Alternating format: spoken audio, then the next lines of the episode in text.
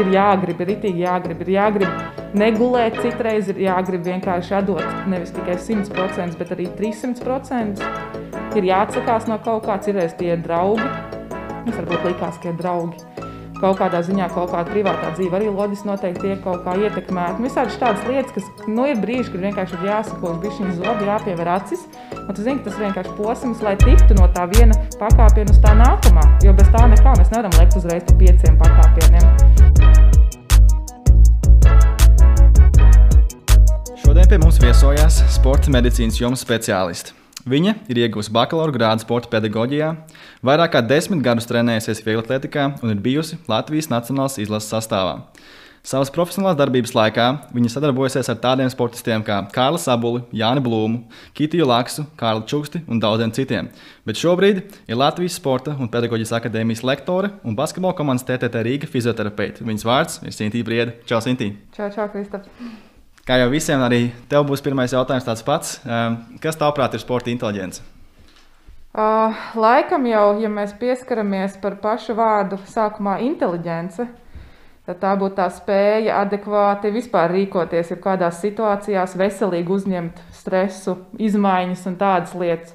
Ja mēs liekam kopā to visu ar sporta inteliģenci, nu tad spēt adekvāti rīkoties stresa situācijās, kas loģiski jebkurā sportā, nezinu, sacensībās, spēlēs, tur um, kaut kādā treniņos. Ir stresa situācijas, ar kurām tev ir jāmāk vispār sadzīvot, iemācīties ar viņām, aps, kā, nu jā, aprast ar to visu, kā rīkoties tajā brīdī. Tā kā jā. Paldies! Tā. Um, tiem, kas varbūt nezina, uh, ieskatīt nedaudz, kāda ir tā fizioterapeita ikdiena un kas ir tie galvenie pienākumi tieši sporta fizioterapeitam. Uh, es teiktu, ka baigi atšķirās, vai fizioterapeits strādā ar sporta komandu, kā es šobrīd to daru. Uh, vai darbs ir uh, medicīnas centrā. Jo komandā primāri tev ir jāsagatavo jebkurš cilvēks uh, treniņam vai spēlei. Uzreiz tas ir tā, ka tev kaut kas notiek, un tev ir jāspēj reaģēt nu, tā, kad sekundžu laikā. Tur nav laiks lēnā garā apskatīties, kas ir noticis, ko varētu darīt, ievākt anamnēzi, kas ir cilvēka da, dzīves apraksts apmēram. Un nav laika tam visam. Tev ir jāreaģē uzreiz, tev ir jāsagatavo treniņam. Ja kaut kas notiek, respektīvi, ne, pat ne gluži treniņa laikā vai spēles laikā, tev ir jābūt uz vietas kā jau ārstam. Jārēģē uz pirmām kaut kādām, nezinu, traumām vai nu, būtībā kā medmāsiņa. Mm.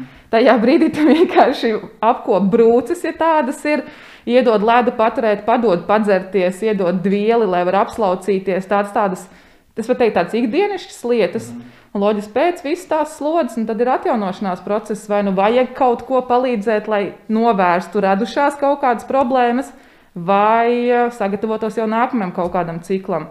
Savukārt, ja mēs strādājam medicīnas centrā, nu, tur jau vienkārši atnāk cilvēks, tur viņi pasēž, šādi pat parunājies. Nu, tā, kur dzīvojam, uz kur stāv jākāp, uz ceturto. Okay.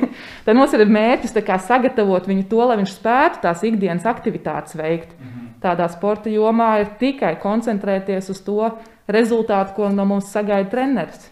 Es pieļauju, ka tieši sportā tas stress ir lielāks, kā jau teicu, un tieši šī sporta inteliģence ir tas arī, kas nosaka atšķirības starp to, ka tu esi labs vai nepārāk labs speciālists. Un tas mans jautājums arī tev droši vien ir tāds, ka, kas atšķir labu fizioterapeitu sportā no viduvēja fizioterapeitu sportā? Es domāju, ka pirmkārt noteikti tā ir tā adaptācija situācijai. Tur nav laika ne samulst, ne domāt, ne pieņemt kaut kādus domāt, nu, kādu lēmumu šobrīd man vajadzētu, vai būtu pareizāk pieņemt. Ir vienkārši jādara. Mm. Un tad, vadoties pēc situācijas, tu vienkārši redzi, ok, nostrādāju vai nenostrādāju, ok, nenostrādāju, ko mēs darām tālāk. Savukārt, nu, un plus vēl arī tas, ka jebkurš labs fizioterapeits būs uh, ar tādu vēlmi respektīvi mācīties papildus un apkārt tikai nevis to savu to lauciņu un to sfēru, bet, ja tas ir darbs komandā, mēs mācāmies par to darbu specifiku tajā konkrēti. Es, piemēram, strādāju basketbola komandā, nu ir jāzina, kas tajā basketbolā. Lai viņi sagatavotu, man ir jāzina, kāda ir darba specifika basketbolā. Ir tās virziena maiņas, ir tie šausmīgi ātrie uzrāvieni un bremzēšanas. Tad, respektīvi, Tu ja centies tu... redzēt to visu bildi kopā. Nu, jā, tieši tā, jo savādāk, ja mēs tikai tā cik, ieciklēsimies uz to, ka, ah, nu jā, viņš dzīvo ceturtajā stāvā, mums ir jānodrošina viņam kāpšana uz. to ceturto stāvu vai lejā. Nu, tad, tās ir tādas ikdienas aktivitātes, kas vispār nesaiet kopā ar kaut kādu nu, tādu profesionālo sportu. Tāpēc es teiktu, jā, ka laikam tā adaptācija uz konkrēto, uz, ne, uz tādu konkrēto jomu un mēģināt visu laiku līst kaut kur vēl papildus, meklēt informāciju, kaut kādu plašāku to sfēru, palielināt vienkārši. Jā, man at, attaus atmiņās reiz arī viens stāsts. Man pašam bija pieredze, kad es mācījos sporta menedžmentu Anglijā un papildus strādāju futbola klubā. Un man bija šīs situācijas, kad teorija saka vienu, bet praksē ir pavisam citādāk. Un tad tev jāspēj saprast, tad, kam es vairāk ticu un kam es vairāk, teiksim, kam es vairāk ieklausos tajā, ko man māca šobrīd skola, vai tajā, kurā es gribu atrasties nākotnē. Jo tur arī tas stāsts, ka tad, kad tu esi iekšā sportā, tik ļoti daudz ir visa kā apkārt, ka tā viena teorija nestrādā. Un no tavas pieredzes, teiksim, vai labs fizioterapeits var kļūt par labu speciālistu tikai no teorijas, vai tā ir tieši šī praksa, kas vairāk ir eh, jācenšas iegūt, lai tu attīstītu tās savas spējas? Nu, skolā visu tā kā uz paplātes tāpat tās visas zināšanas tāpat nepastāsta. Daudz pasniedzēji ir ļoti skopi attiecībā uz jaunas informācijas nodošanu, kaut gan viņi ir parakstījušies uz to, ka man šeit ir jābūt. Es vēlos mācīt citus, kā savus topošos, iespējams, pat kolēģus, Bet uh, viņi ir skopi uz informāciju, un tad sanāk, tā skolā tev iedod kaut kādu informācijas apjomu, ko beigās tev sanāk, tev ir jāpagriež konkrēti. Vat, jā, vai nu es strādāju medicīnas centrā vai strādāju komandā. Mm. Pilnīgi, pilnīgi atšķirīgi būs tas kā, outcomes, tas iznākums, ko mēs dabūsim ārā. Mm. Viens spilgts gadījums atceros to, ka aizbraucu ar, pirms tam strādāju puišu komandā Latvijas Universitātē. Arī Latvijas līgas komanda Aizbraucām uz, kur tas bija? Man liekas, ka tas pat bija Ķīnā. Aizbraucām uz studentu universiādi. Un, un ir loģiski, ka lekcijās ir stāstīts, kas notiek teorētiski tajā brīdī, kad izrauja plecu, kā, respektīvi, tiek augšdāms tik ļoti kaut kā parauds, ka mums tiešām plecs no locītavas iziet ārā, tas augšdāms no, no savas vietas. Un tajā brīdī, kad tas, tas, eh, tas džeks vienkārši sāpēs, agonijā uz tās zemes tur raustās, un ka tev ir stāstīts, ka jā, tur caur rotāciju ir jāliek iekšā, un tad tev liekas vienkārši ok, tagad mieru, un tur tur svēt, un tajā brīdī absolūti nestrādās teorija, ka tev cilvēks mierīgi gulētu, un tu varētu, jā, tur mierīgi ielikt. Viņš vienkārši viņš saka, neaiztieciet man, man sāp, viņš ir saķēris to roku. Un tajā brīdī, nu jā, tev vienkārši ir jā, jāspēj adaptēties situācijai.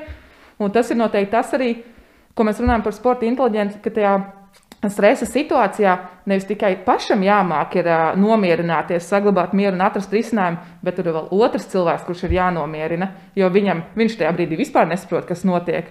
Ir tādas sāpes, ka liekas, vienkārši zeme atveries, un kas ar mani notiek, un viss, un vienīgais cilvēks būtībā, kas varētu palīdzēt, nu visticamāk, esmu es. Nu, ja nav vēl kāds mistiski vēl tur starp skatītājiem. Tur.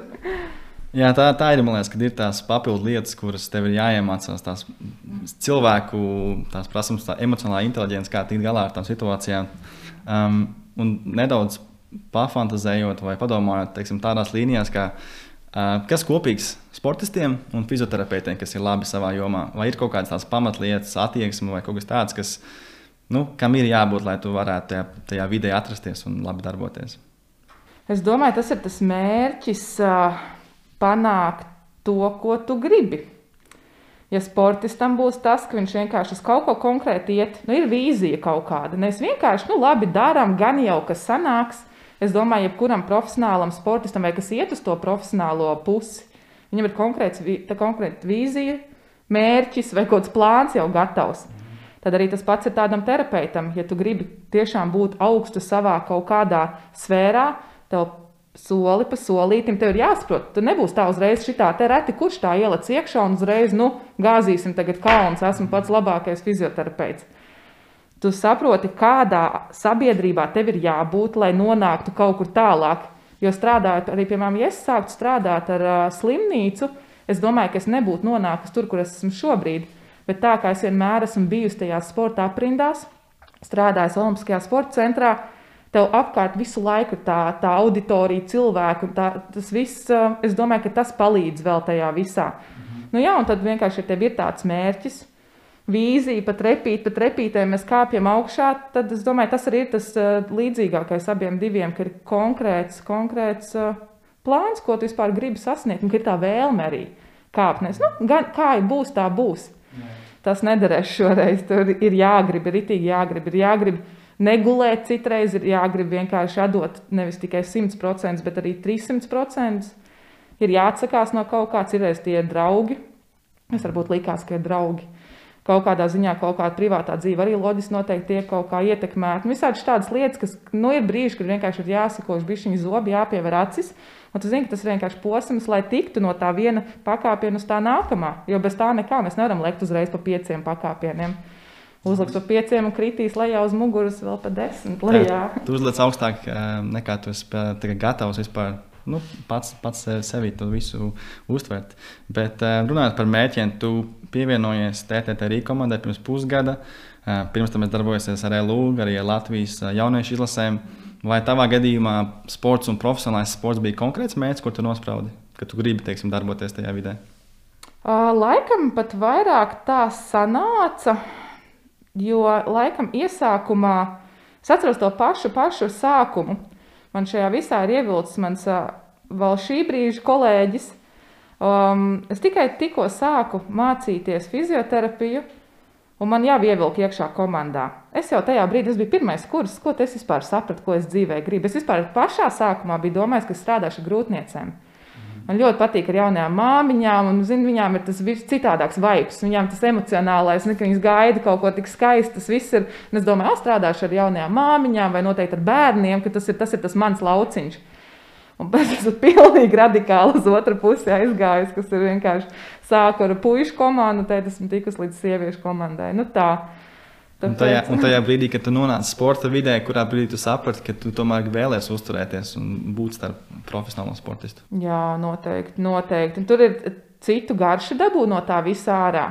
Jo arī ikdienā strādājot ar nu, teiksim, tādiem parastiem mirstīgajiem, ir ļoti liels gandarījums redzēt, ka tādam parastam cilvēkam tu vari uzlabot dzīvi ka viņam mazāk sāp, viņam ir lielāks komforts darīt kaut kādas ikdienišķās lietas. Viņš oh, izgāja pastaigāties, nogāja desmit km, un nekas nesāk sāpēt. Es saprotu, ka tas ir daļa no tava ieguldījuma. Savukārt tādā profesionālā komandā nu, mēs jau visi kā komanda atkal ejam uz vienu, bet lielu mērķi. Nekad nebūs tā, ka ir vēlme tikai uzvarēt šo spēli tas plāniņš to, ko es minēju, tas plāns ir tāds, ka mēs uzvaram visu līgu, mēs uzvaram jau valsts mērogā, mēs uzvaram jau kaut kādā jau nu, citā starp valstu mērogā, tā tu vienmēr tā kā, it kā es varbūt esmu tikai stāvs, kas ir tikai daļa, un es ļoti varbūt mazu daļu tajā visā ielieku, bet uh, ikdienas tas viss, kā mēs kopā visu to darām, nu, tiešām tā kā tāda ģimene. Vienkārši visi kopā iet uz tādu vienu lielo mērķi, un tajā brīdī, kad ir zaudējums, ir jau tā sajūta, ka es esmu zaudējusi arī. Jā, ka tas jau nekas, ka it kā es varbūt tur tik daudz nevarēju izdarīt. Nu, viņām pašām taču bija jāiemet vai ne, vai jāklaus galvenais treneris.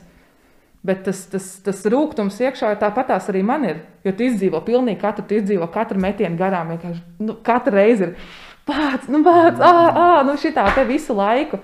Tāpēc, um, nu, jā.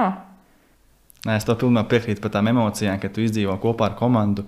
Arī man, kad es strādāju futbola klubā, bija tā, ka tu visu nedēļu gatavojies tai sestdienai, svētdienai, kad ir spēle. Un, ja tu uzvari, super, bet, ja tu zaudē, tad tev liekas, ka viss nedēļas darbs ir vienkārši aizgājis vējā, jo tu neesi sasniedzis to savu lielo komandas mērķi un zaudē. Bet, bet man liekas, ka es jau tik, tikko izpratu to tavu lielāko gandarījumu, ka tas ir komandas uzvara.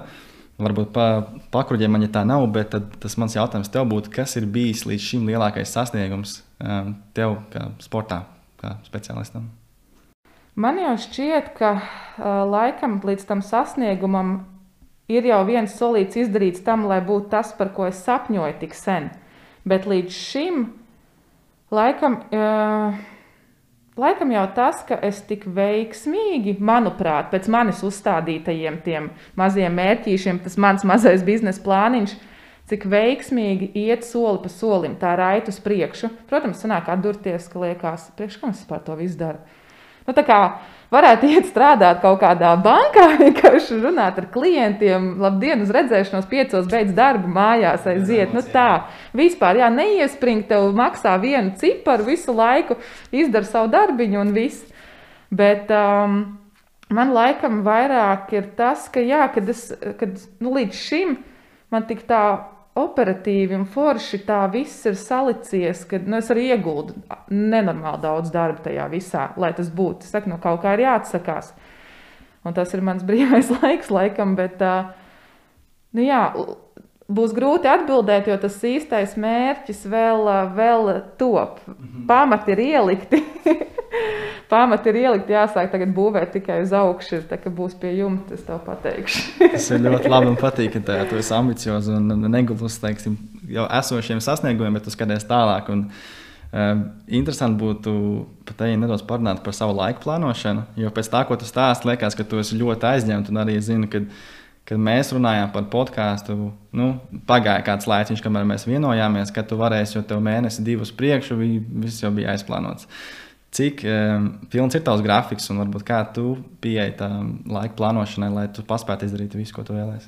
Mm, es bez sava plānotāja absolūti nekur nevaru. es pat jocīgi, ka viņš man šeit šobrīd nav līdzi. Bet tā kā es jau paspēju būt šodien komandas treniņā un, un, um, un izdarīt visas tādas mazas lietas, tad uh, viņš nav līdzi. Bet jā, ja man nebūtu konkrēts. Um, grafiks pa stundām, ko visas uh, salieku, man būtu baigi grūti. Jo ir konkrētas stundas, kad ir treniņš, ir grafiks zināms uz priekšu, un tikai vadoties pēc tā, es lieku vispārējo. Nu, kā jau teicu, būtu forši beigt darbu piecos, un mājās sagaidīt draugu ar vakariņā, un viss forši. Nu, Cirēs darbs man arī ir līdz deviņiem. Un kurš, kurš grib tos vēlos vakarus? Ja tā es saku, ļoti daudz jau grib sasniegt visu kaut ko dzīvē. A, kurš grib upurēt to savu brīvo laiku? To, ka vakarā var vienkārši paskatīties seriālus, palasīt grāmatu.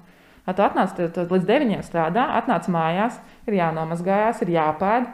Apmēram jau ir desmit, un nākamajā dienā jau ir septiņos pirmais pacients. Protams, es to visu pati plānoju. Es viņiem atļauju nākt tajā laikā, bet uh, no otras puses atkal, ja tu nepanāksi solīt pretī tiem, tiem klientiem, kad viņiem tiešām tas ir iespējams vienīgais laiks pirms darba, pirms tiem astoņiem vai savukārt vēlu vakarā, kas ir pēc viņu darba laika. Tie visi bankas darbinieki, ja, vai biroja darbinieki pēc tam pieciem, sešiem. Ja es nespēšu tā elastīgi pabīdīties arī pati, panākt viņiem pretī, tad kur mēs. Nu, Ir, div, ir nepieciešami divi cilvēki, lai būtu rezultāts kaut kāds. Nu, ja es eh, palikšu ar savu nostāju, nē, es varu tikai divos, trijos pa dienu pēc TTT treniņiem un viss. Tad laikam īsti nesanāks nekāds kopsaucējs tam visam. Tāpēc, jā, plānošana. Nu, nav viegli. Nav viegli to visu saplānot. Nu, saka, tas aizņem tik daudz laika. Man arī draudzenes ir teikušas, ka, nu, kad mēs tev satiksim. Citreiz ir godīgi tā, ka tu vienkārši vari paraustīt plecus, un uh, es nezinu, ir tiešām ir daudz ko darīt. Es pat arī piepildu to ikdienu. Es nevaru, es nevaru tā sēdēt un neko nedarīt. Tas ir, tas ir laikam trakākais, kas man ir. Teikt, arī mēs atbraucām no Itālijas pēc Eirolandes sabraukuma, ir pašizolācija. Strādāt es nevaru. Man ir vienreiz dienā tikai TTT treniņš. Pārējo dienu es esmu iztīrījusi mājās katru stūri vienkārši. Ja man būtu tik daudz mēbeles, ko pārbīdīt, es viņas būtu pārbīdījusi. nu, tā, kad es laiku, es nevaru tā vienkārši, nu, labi, cik tu vienu dienu vari pasēdēt mājās. Nu, tā. Jā. Nu, otrā dienā tev jau ir tāds, nu, nu ko tālāk. viss ir noskatīts, viss ir iztīrīts, viss ir pārbīdīts. No kurienes ir tev, teiksim, šī deksme un enerģija tik ļoti daudz darboties? Tas ir vienkārši sports, ir sirdslieta, un līdz ar to tu vēlēsies, lai būtu viņai iekšā, vai tas ir kaut kas cits? Man jau gribētos teikt, ka tas pirmsākums, ar ko tas viss sākās, laikam jau nāk no kaut kādas pamatskolas lai, laikiem. Jo es vienmēr esmu bijusi tāds uh, darba rūķis. Man patīk, labi, es nebiju tāda baigā, varbūt kaut kāda izcilniece mācībās, bet tāpat virs viduvējā es mācījos, jo vienmēr sports jau loģiski gāja roku rokā. Bet um, mani ļoti emocionāli terorizēja klases biedri. Un tam man vienmēr, laikam, jau kopš tās pamatskolas ir tas, ka tā kā iekšā tā Tā, tā kā, nezinu, pat tāds, nu, jūs vēl redzēsiet, jūs vēl redzēsiet, ka, nu, kā jūs, ka es neesmu tik melna, kā man mālē.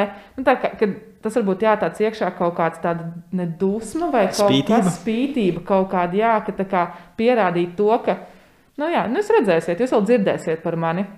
Un tas jau viss sākās jau tad, jau 7, 8, 9 klase kad būtībā arī bija tādi pirmie jau kaut kādi sasniegumi, kad es laiku nācu mājās un māmu, nu kā gāju, tu tikai rādi vienu medaļu, otru, trešo.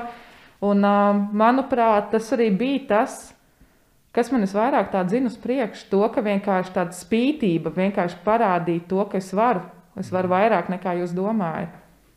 Pati jau teica, ka nodarbojas ar sportu. Konkrēti tā bija vieglatlētika, ja pareizi saprotu. Kas tevi ievilka sportā, lai pats sāktu nodarboties ar uh, skriešanu, ja nemaldos pareizi? Jā, es skrēju 400 barjeras. Nu, jau noslēgumā, protams, tā, kad tas maziņš, tad jau tur viss ir bumbiņi jāmet, ir un tālēkšana, un daudz soļu, viss kaut kas ir jādara. Uh, ievilka mani tajā visā īstenībā pagalmā. Es dzīvoju Ziepniekalnā, un uh, tas bija tas laiks, tā bija um, hmm, 4. klasīte.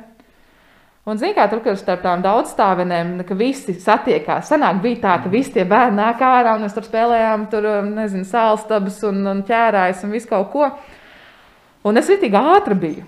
Es vienmēr saku, ka vienmēr bērniem bija tas, ka, un te čikāsimies, kurš būs vadītājs. Saka, es taču būšu vadītājs. Nu, kāda atšķirība? Tāpat zināja, ka slīdās kādu noķeršu. Es biju ātri. Un tam man viens Jānis, um, viņš bija kaut kāds, man liekas, pat trīs vai četras gadus jaunāks par mani. Viņš saka, klausies, es iešu uz treniņiem. Vieglatlētikā, reķi, mēs dzīvojam Ziepniekalnā, tie treniņi ir pie mola, tā Rīgas sporta manēža. Tur sanāk, ir jābrauc līdz centram ar 40 autobusu, un tad ar tramvaju vai kaut ko līdz tam molam. Es vēl aprunājos ar māmu, un viņa saka, tas taču ir kaut kur vispār LR, attā projām, kā tu turien tiksi, un vispār, nu, ko tu tagad apmēram esi izdomājusi.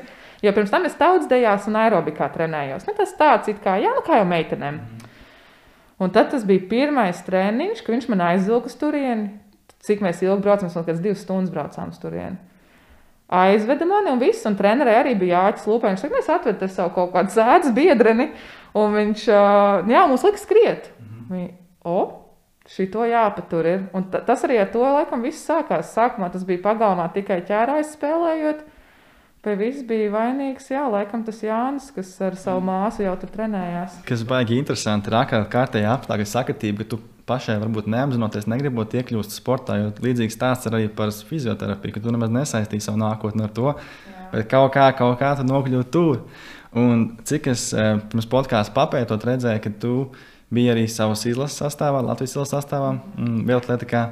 Un tāpēc, teiksim, pieļauju, ka 17, 18 gadu vecumā droši vien saistīja savu nākotni ar tieši profesionālo sportu. Mm, tas tā bija. Tu biji teiksim, redzējis sevi kā atlētu, vai domāji, jau kaut kādā tajā vecumā domāji par mācīšanos arī vēlāk? Es domāju, ka jebkurš veiksmīgs, veiksmīgs skrējējs, tīpaši vieglatlēts, grib plēst pāri okeānam uz Ameriku. Jā, man arī bija plāns. Bija divas universitātes atrast, bet es, vienu, es atceros, ka viena bija Mississippi, otra Neatceros vairāk. Nu, kaut, kur, nu, kaut kur arī tur arī noteikti bija. Uh, gribēju, ļoti, ļoti gribēju braukt. Uh, bet tad, jā, kaut kā dzīvē viss salikās, ka nevienmēr mēs klausāmies savai tai balsī un to, ko mēs citreiz vairāk gribam. Mēs paļaujamies uz esošajām attiecībām vai uz kādu vecāku šaubām ļoti bieži, kad apmēram, nu, kur tu tagad brauksi kaut kur projām, prom no ģimenes, prom no Latvijas, viena pati tur tālumā. Nu, tas, manuprāt, tāds A kā tad citādāk mēs augsim un attīstīsimies šeit, pat tajā komforta zonā? Nu, nē, bet nu, jā, neaizbraucu. Neaizbraucu, jo es arī dabūju traumu. Tāpēc es visu arī kaut kā saku, tas viss kaut kā sa salikās tā, ka paliku šeit un esmu tagad tur, kur es esmu. Nenožēlo, ka neaizbraucu, vai tas bija tā traumas dēļ, ka neaizbraucu beigās? Uh, pa lielam es neaizbraucu traumas dēļ, un es saku to tā brīža attiecību dēļ. Vai es nožēloju? Mm. Es domāju, ka īsti nožēlot laikam nē, jo noteikti tā dzīve nebūtu iegrozījusies tā kā tagad. Un es esmu tik ļoti apmierināta ar to visu, ko es ikdienā daru. Man tas tā patīk, es vienkārši degu par to visu tiešām. Ja es būtu aizbraukusi tur, ka es būtu izmācījusies, visticamāk, psiholoģiju. Tas ir tas vieglākais, ko parasti sportisti ņem psiholoģiju vai kaut kāds biznesa pamats, kaut ko tādu. tas ir tas, man liekas, klasika vienkārši. Būtu izmācījusies to, nu un tālāk pēc tās koledžas Un tur es nestrādātu, es ticamāk, nu, es brauktu atpakaļ. Un tad, tajos 23 gados, tikai tad sāku kaut ko būvēt. Eh, nav par vēlu, protams, bet es domāju, tas būtu bijis citādāk, beigās izvērties. Tā kā es, es, es domāju, ka es diezgan priecīgi tam tā noteikti bija jānotiek. Ja toreiz likās, ka tas bija slikts lēmums, vai ne, nu, kas nenotika, es domāju, ka tagad tas ir pateicoties tam, viss ir tā forši sagājis, kā tas ir. Tas man liekas, bieži vien, ka mēs izdzīvojam tos posmus, negatīvos vai sāpīgos. Un tajā brīdī liekas, ka tā nu, galīgi neiet, bet pēc gadiem, pieciem, desmit, atskaties un liekas, ah, paldies Dievam, ka tā bija. Tas man daudz ko iemācīja. Un runājot par tavu traumu, vai tev pēc tam at, at, izdevās atgriezties sportā un teiksim, tikt atpakaļ tajā līmenī, kurā tu biji, vai tomēr tā traumas sekas tev neļāva īsti, īstenot sev kā sportisti? Par to traumu ir tā, ka. Um, Gadu es biju ārā. Gadu ārā es muguru satraumēju, mugurjos daļā.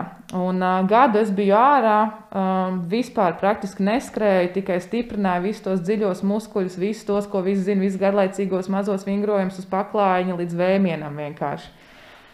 Nostiprināju to muguru, pamazām atsāku skriet un kaut ko darboties. Un, uh, Jā, un tad, diemžēl, pa to gadu daudz kas mainās. Mainās arī manā sporta tajā klubā, kurā es trenējos. Ir jauni cilvēki nākuši, jauni talanti uzradušies. Un man kā traumētam cilvēkam atgriezties pēc tik ilga perioda atpakaļ, loģiski, es nevienam vairs neesmu interesanta. Un tad bija šī vēlme atgriezties tajā visā laikam treneri nobeidza.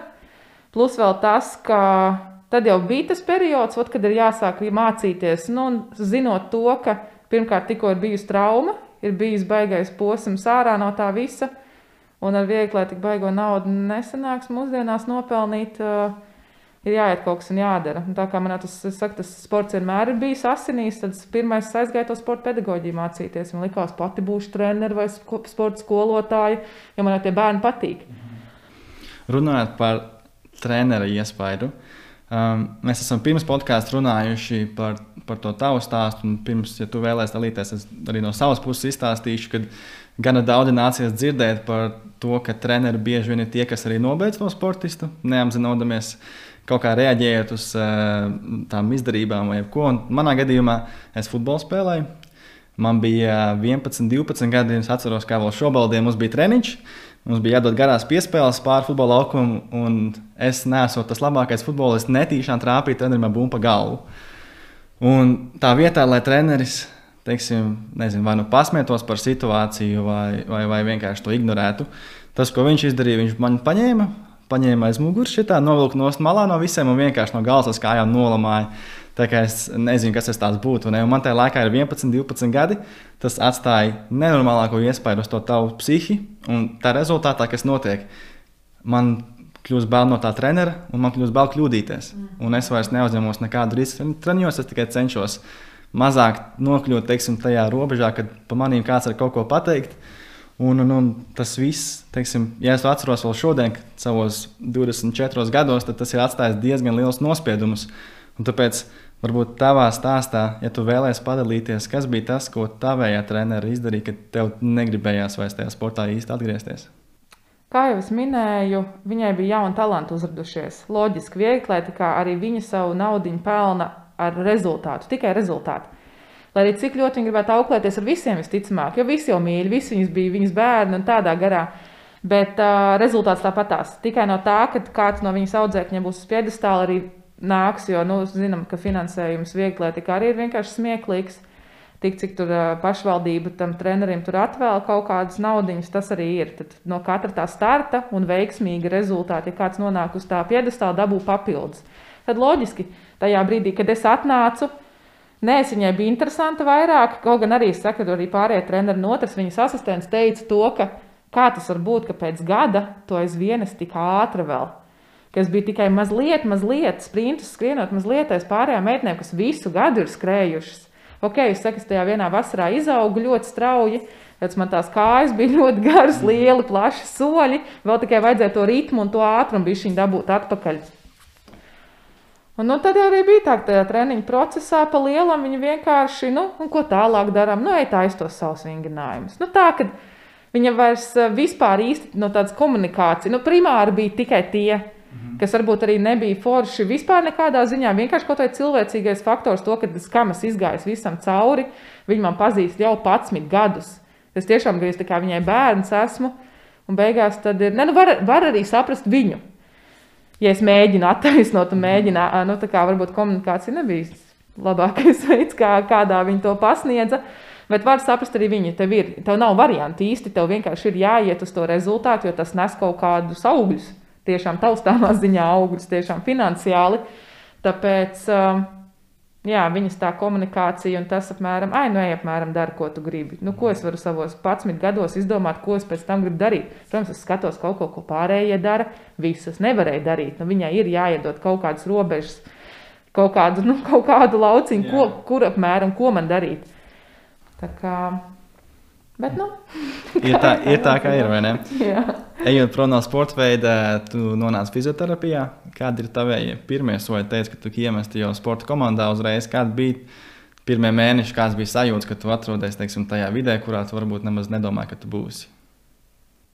Baigs sen tas liekas jau grūti. Tā. Ne, nu pašā sākumā es jau reāli biju kā vienkārši asistents savam tā, tās komandas galvenajam fizioterapeitam. Uh, Uh, viņš man ļoti daudz stāstīja, ļoti daudz apmācīja. Protams, ka sākumā tas, ko tev viss stāsta, kas ir šobrīd pat liekas loģiski un pašsaprotami, toreiz, kad es mācījos pirmajā kursā, vispār likās tā kā tev stāsta, tā kā tu redz, ka kaut ko viņš tur notestē un tas tā strādā. Tā liekas, ka ko tu man te mēram mēģini iestāstīt tagad. Tas ir zaļš gurķis, es nesaprotu neko no tās medicīnas tik sīki vēl, bet nu tu tikai gudru sēju un jā, mēģini tā kā galvā salikt to visu kopā. Man bija nenormāli interesanti, nenormāli interesanti. Un ļoti viegli bija tas, ka rēķinies sākt tajā pirmajā kursā, um, jau arī uzreiz strādāt. Tad tā pamīšas, tā forši līdz ar gāja tas mācīšanās process un tā reālā dzīve. Kad tu uzreiz redzi, tu vienkārši, nezinu, mācoties kaut vai to savu anatomiju, tu vienkārši redzi uh, uz cilvēka ķermeņa, kur tas muskuļu reliefs un kā tas izskatās dzīvē, nevis tikai uz plakāta vai grāmatā kaut kur. Mm vai runā par kaut kādām traumām, tu redzi, kā, ko tas mans galvenais fizioterapeits, ko viņš dara. Ja mums tur saka, pēc potīšu traumas, tur ir jāprotams ledus jāliek, jāpaceļ augstāk tā ekstremitāte, un uh, tur kompresija un kas vēl. Tad tu redzi, kā īstenībā tas viss notiekās, ka tur ir jārēģē ātri, tev ir jāsaprot, tev ir jāapspēj arī notestēt, jo jāsaprot, treneris būs, lai viņš var turpināt spēlēt. Ja tu tur būs tikai uzlicis ledu, viņa apguldīs ar kāju gaisā, tas, nu, kā, nu, tas neparāda tieši tā, tas, to, to, ko mēs pirms tam runājām, ka tas neparāda par tevi kā par jau augsta līmeņa mhm. speciālistu. Nu, okay, tu izdari to, ko skolā mācīja, un tālāk, ko trenerim atbildēsi. Es nezinu, es nezinu vai viņš var apakaļ spēlēt. Nu, jā, te, te man liekas, ir stāsts par to. Uh, ir tā tehniskās lietas, kas tev jāiemācās, kas ir tā tīra teorija, un tā otrā puse tam visam, kas ir tā tavu pašu spēju kaut kādas situācijas uztvert. Un, uh, man par to arī ir viens tās, kad, eh, kad es pats uh, tiecos tiem saviem mērķiem pretī futbola klubā. Man bija ļoti labs menedžers, un viņš man par to visu teica tādu ļoti labu citātu. Jo es biju tāds cilvēks, kuram likās, ka es varu tikai ar savējo smagu darbu sasniegt visu, ko es vēlos, bet es nereiķinājos, ka ir apkārt vēl citi cilvēki, ir, kurus tev jāsaprot. Un tas, ko viņš teica, ir. Jā, ar labām teiksim, tehniskajām iemaņām tu sasniegsi kaut kādu vienu punktu, bet, ja tu vēlēsies sasniegt to eliti, uz kur tu tiecies, tev ir jābūt tam empātijai, jāprāt redzēt, kā cits uztver situācijas un teiksim, jāmāk komunicēt ar tiem pārējiem cilvēkiem. Vai tavuprāt, eh, tu piekrīti tam un kādu lomu tas spēlē arī teiksim, tajā sportā, kad nu, tu neesi tikai fizioterapeits, tu esi Viņu varbūt nezina kāds, kas uzklausa vai, vai spēja aprunāties. Un, nu, tu īsti neesi tikai speciāls, bet tu esi kaut kas bijis šī, bijis jau vairāk. Tu esi daļa no tās visas komandas. Mm, maz, maz atkāpīt, kamēr stāstīju, uzreiz iedomājos to, ka teici, jā, ka ir. Ja kurš talants vai kaut kādas lietas, ka tev ir iedots kaut kāda komplektācija, tu to labi dari, to labi dari, to tu vari sasniegt, tur neieguldīt baigi darbu, tur metienā, jo viņš kaut kā dabīgi nāk ārā. Šito baigi labi var visu redzēt tādās jaunatnes izlasēs. Jo ir kaut kādi talantīgie bērni, kuriem tāds, ah, man jau tāpatās sanāk. Viņiem da, tā vēlme un uzcītība strādāt un darīt kaut ko ir nu, nu, zem vidējā reāli. Jo tāpat jau sanāk. Es taču neko varu nedarīt, un redzu, tāpat es labākais, tāpat es esmu komandā, es tāpat ar kandidātiem izlasē tieku vispārējais.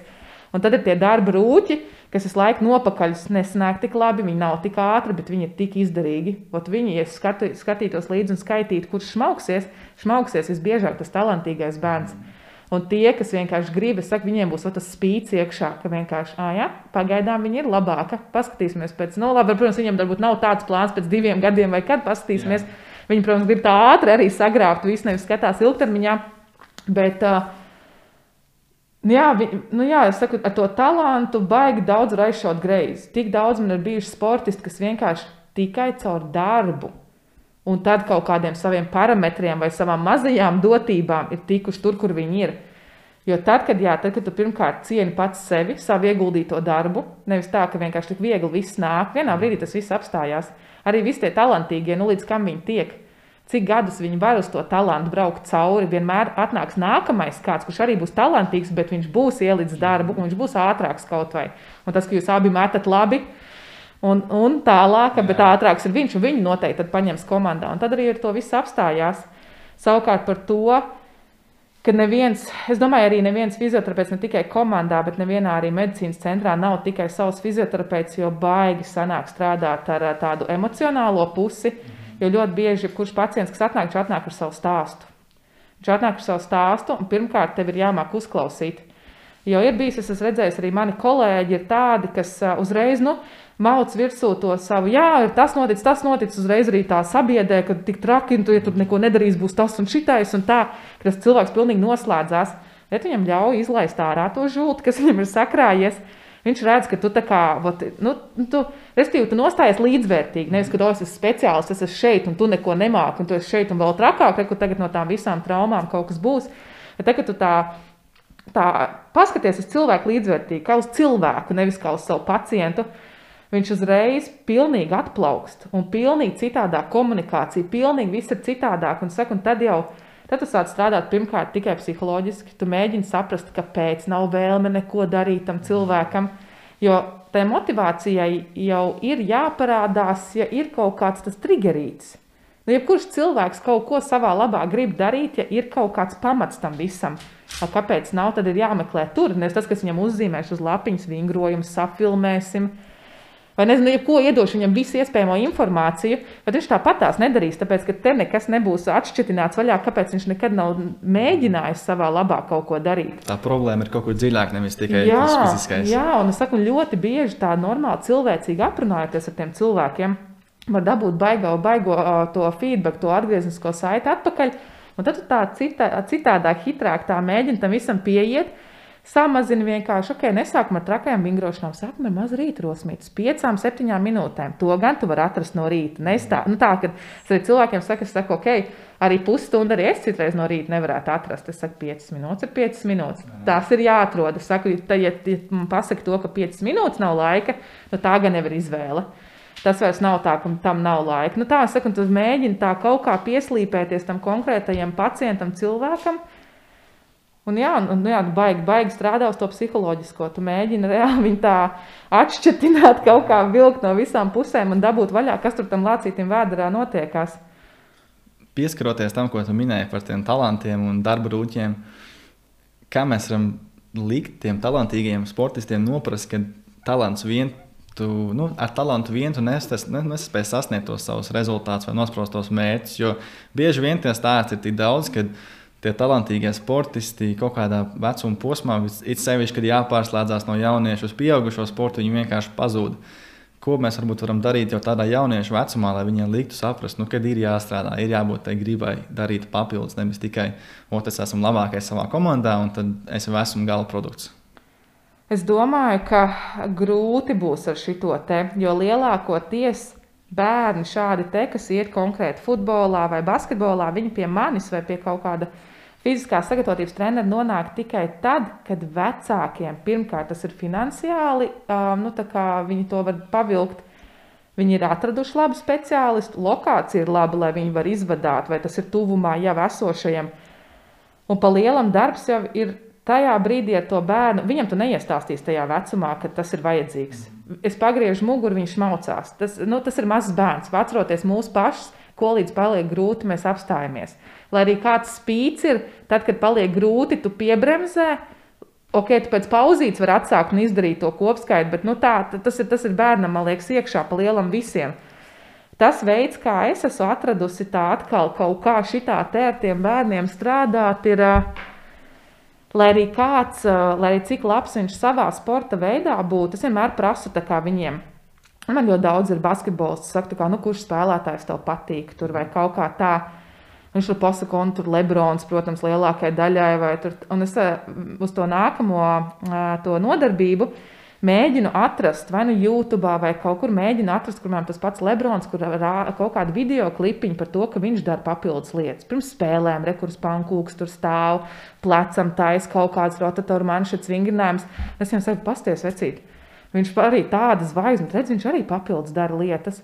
Oh, jā, Tad viņiem ir jāmaina šī iemānītā informācija, jo viņiem jau liekas arī, ka es jau būšu labs. Visi mazie, kas domā, ka NBA spēlēs, viņiem tā vēlme jau ir iekšā. Bet viņiem ir jāsaprot, ka tikai tas, ka tu mazais aizies pēc skolas, pat aizno tikai mētās bumbu, tas, nu, tas, tas nav tas gala iznākums, ko tu dabūsi ārā, to, to vēlme, kāda īstenībā ir. Un tad, kad tu atrod tā kaut kā viņam iemānīt šitā iekšā, tad varbūt procentuāli uz kaut kādiem tas nostrādā, un nu, var redzēt, ka viņi bišķiņi saņemās. Bet nu, bērns paliek bērns, grūti ar viņiem ir. Tas, es domāju, ka nākamais ir tas, ka, ja ģimenē nav absolūti nekāds paraugs priekšā, vai kaut kāds bijis, ka tie vecāki arī ir likuši noprast, ka ieguldot darbu, tu tikai vari kaut ko sasniegt. Bet, ja tā diezgan viegli viss kaut kas nāk, es domāju, ka tas arī no tā varbūt kaut kādā ziņā ir Ka tev liekas, ka arī turp, turp, turpinot tāpat, tā, tādā pašā garā, tāpat tā viss notiks pats no sevis. Un tad tas brīdis, kad pienāk, ka tu vairs nevari, tad tev ir tāds, nu, tad jau ir par vēlu, tāpēc, ka tu vairs nevari. Jo es zinu, pats arī ir gana sanācis pabraukāt līdzi savam tētim, un viņam ir arī kompānija, kas jaunos futbolistus uz Eiropā dažādiem turnīriem ved, kas jau tā ir teiksim, savā vecumā Latvijā viena no labākajiem, kuriem arī liekas, ka nu, tūlītā mēs būsim nākamie Ronaldo un Messi. Mm -hmm. Un tad aizbraucot uz Vāciju vai to pašu Čehiju vai Spāniju.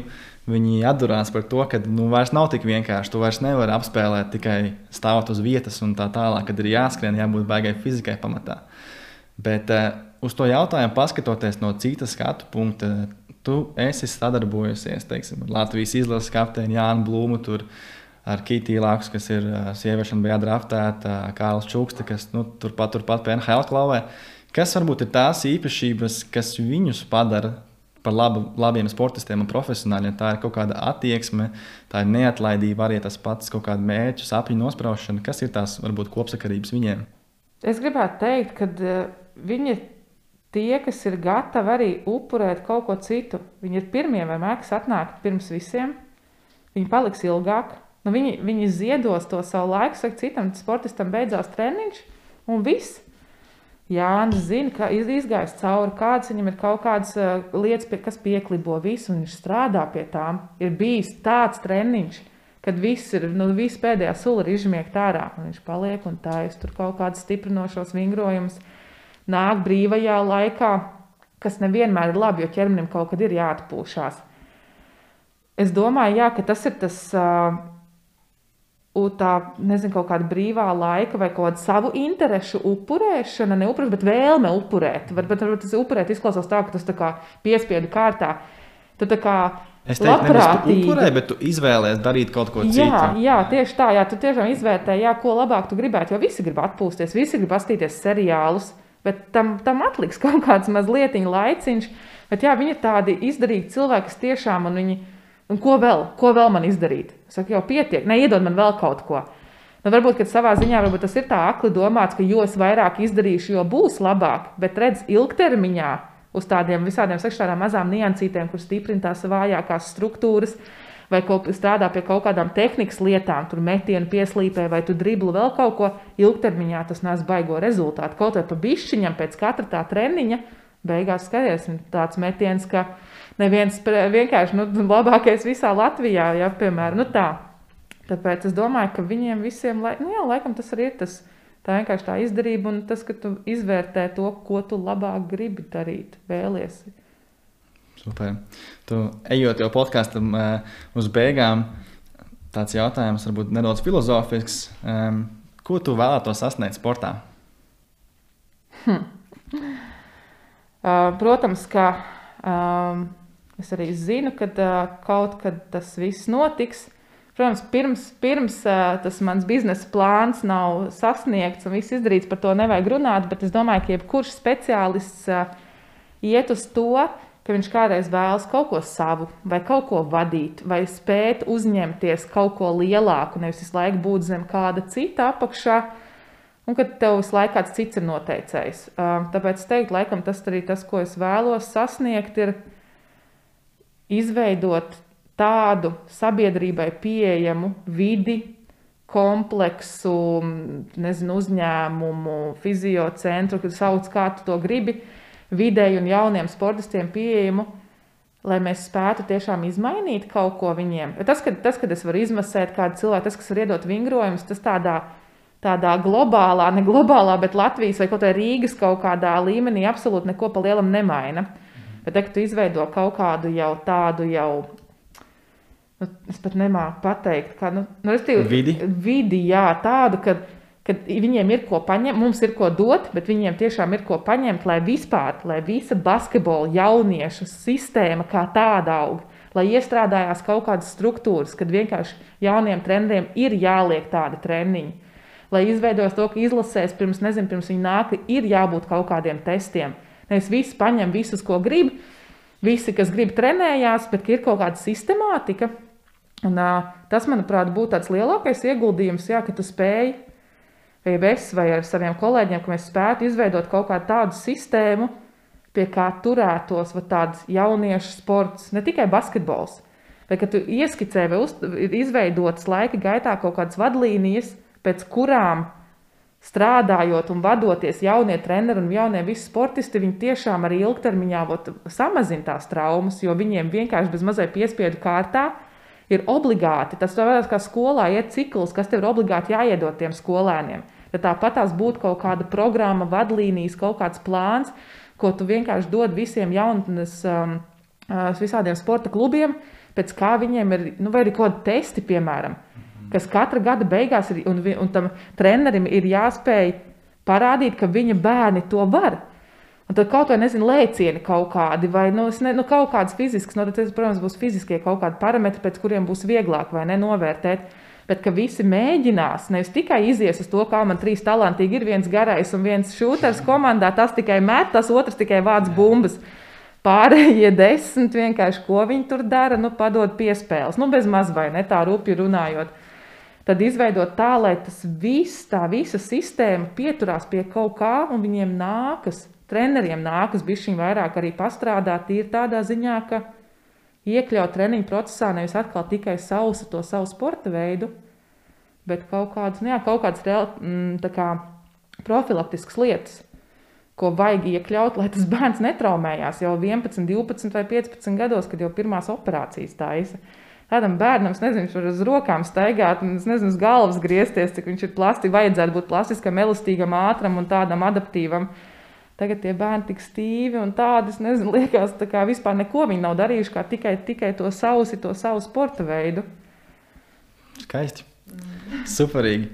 Um, un šo visu noslēdzot, um, gribēju te pajautāt par vienu resursu. Tā var būt grāmata, tas tā var būt filma vai TV šovs vai arī podkāsts. Uh, kas tev ir pozitīvā veidā iespaidojis. Tas var nebūt sports, bet vispārīgi kaut kas tāds, ko tu gribētu, lai arī citi izlasa, paklausās vai noskatās.